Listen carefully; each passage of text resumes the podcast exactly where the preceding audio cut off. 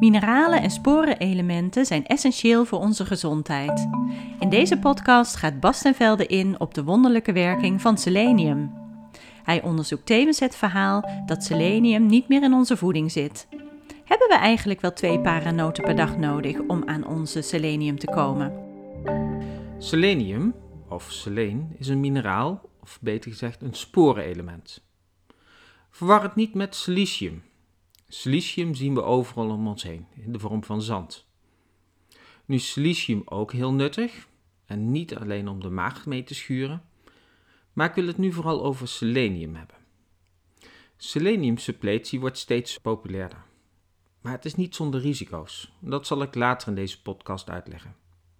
Laten we eerst eens kijken wat selenium voor onze gezondheid kan doen en of we het via onze voeding nog binnen kunnen krijgen.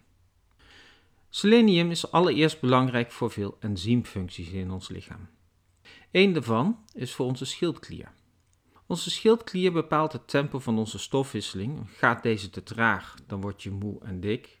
Gaat die te snel, dan is het moeilijk om tot rust te komen. En dat we voor een goed werkende schildklier jodium nodig hebben, dat is al onbekend.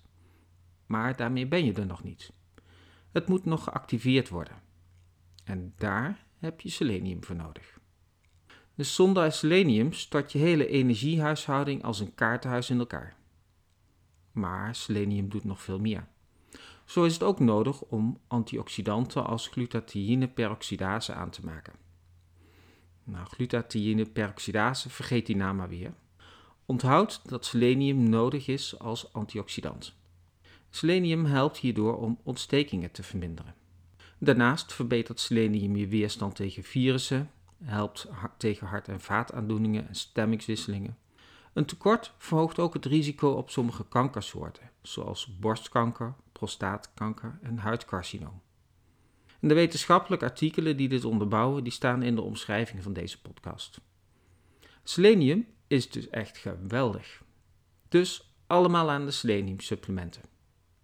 Of toch niet? Want volgens het voedingscentrum kunnen je haren, nagels en tanden uitvallen door een overdosering met selenium. En een te hoge inname van selenium verhoogt ook het risico op kanker of diabetes. En dit is de reden dat seleniumsuppletie in de jaren 50 van de vorige eeuw verboden werd door de Amerikaanse FDA.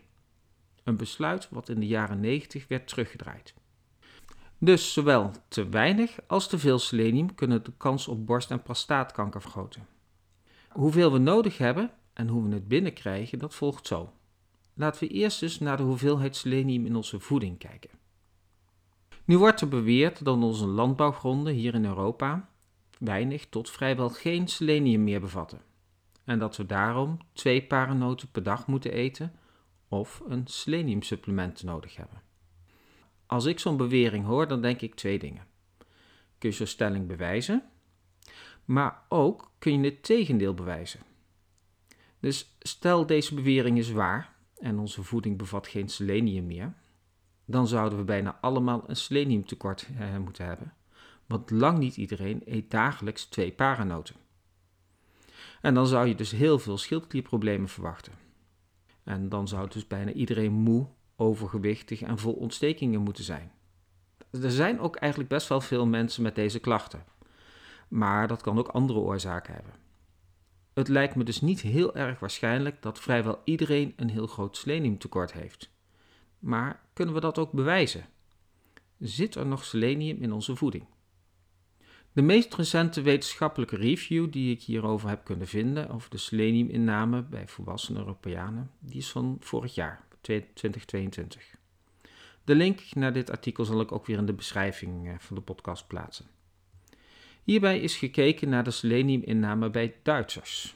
Dat is fijn, want zo heel erg veel verschilt onze voeding niet met die van onze oosterburen.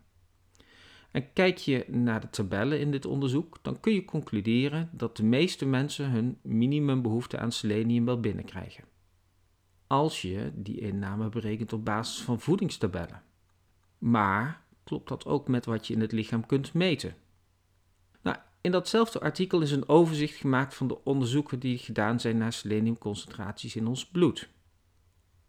En ook hierin zien we dat je meestal wel de minimumbehoefte aan selenium, die meestal gehaald wordt. Conclusie? Via onze voeding krijgen we gemiddeld genomen een minimumbehoefte aan selenium binnen. Mooi, dus we zijn daar. Toch niet? Want als je beter kijkt in diezelfde tabel, dan zie je ook dat we zelden voldoende selenium in ons bloed hebben om ons te beschermen tegen kanker. Dus het is wel handig om op je seleniuminname te letten. De meeste selenium krijgen we binnen via dierlijke producten, zoals zuivel, vlees, vis en eieren. En ook granen bevatten een aardige portie selenium. Eet je weinig of geen dierlijke producten, dan heb je dagelijks noten, zaden en pitten nodig, waarvan paranoten de meeste selenium bevatten.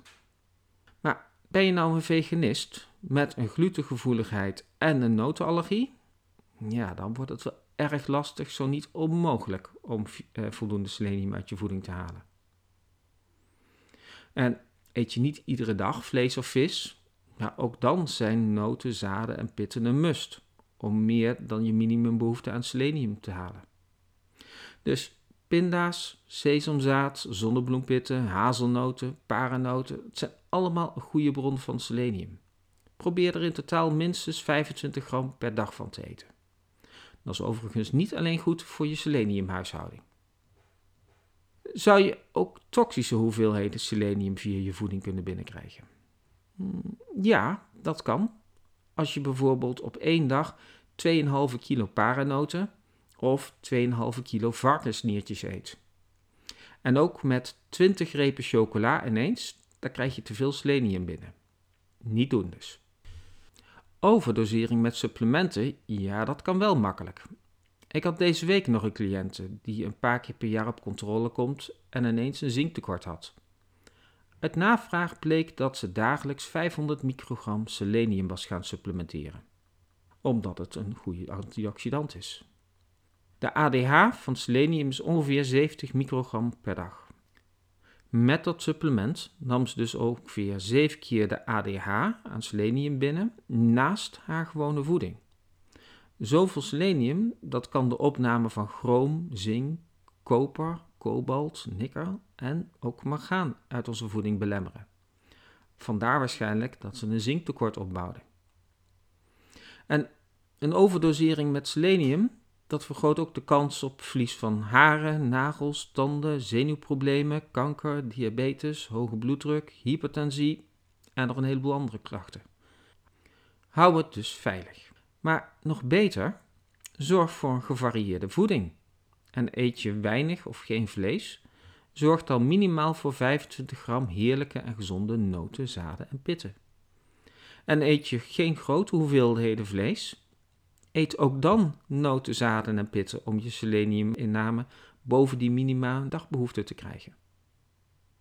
Mocht je willen weten hoe de mineralen en sporenelementen elkaar beïnvloeden en wat je nodig hebt voor een goede mineraalhuishouding, dan kom dan op 17 februari naar de kruidentuin van Marie in Beekbergen.